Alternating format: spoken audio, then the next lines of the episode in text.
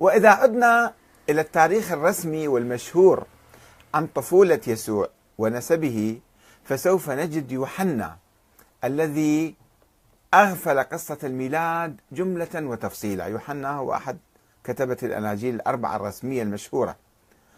آه، آه، يصف يسوع في مطلع إنجيله. عندما يعرف يسوع من هو يسوع؟ يقول يسوع ابن يوسف. يوحنا واحد على 45 وأما لوقا ومتى فيحدثان عن تعجب الحاضرين من أهل الناصرة من سلطان كلمات يسوع وقولهم أليس هذا ابن يوسف؟ لوقا 16 من 4 إلى 22 وأيضا يقولون أليس هذا ابن النجار؟ أليست أمه تدعى مريم وأخوته يعقوب ويوسي وسمعان ويهوذا؟ أوليست أخواته جميعهن عندنا؟ فمن أين لهذا هذه الكلمات؟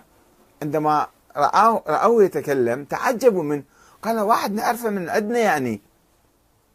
فيذكرون أنه هذا ابن يوسف ابن مريم ابن يوسف. متى؟ 13 على 55 إلى 56 وبناء على ذلك عزى إنجيل لوقا نسب المسيح إلى يوسف النجار. اعتبر هذا أبوه هذا خلص يعني انتهى الموضوع.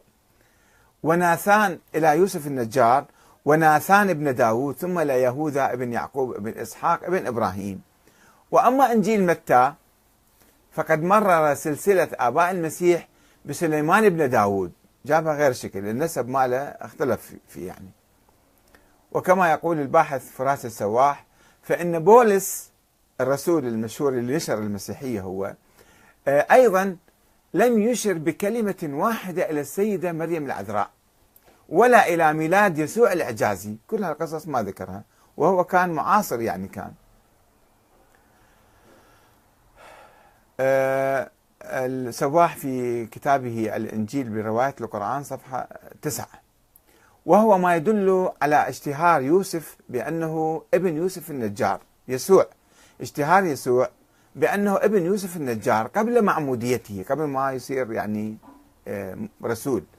وعدم معرفة عامة الناس بأمر الولادة العذرية المعجزة. ما حد ما كان هالقصص يعرفها. أنه هذا ابن فلان وخلص هذا اللي كانوا يعرفوه. وهذا اللي كتبوه الكتبة الأساسيين والرسل الكبار يعني.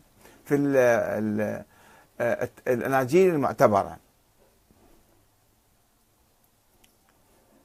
يعتقد المسيحيون آه، آه، بأن العهد القديم من الكتاب المقدس يعني التوراة قد أشار إلى مريم بعدة نبوءات وإشارات مثل ترنمي وافرحي يا ابنة صهيون لأني ها أنا ذا آتي وأسكن في وسطك يقول رب الجنود في كتاب زكريا عشرة على اثنين. وربما بنوا عقيدتهم. هذا كان يعني معروف في الكتب القديمة التوراة عند اليهود في إشارات إلى مريم وابنها. وربما بنوا عقيدتهم في ولادة المسيح المسيحيون يعني من عذراء أنه منين جابين هالعقيدة مالتهم؟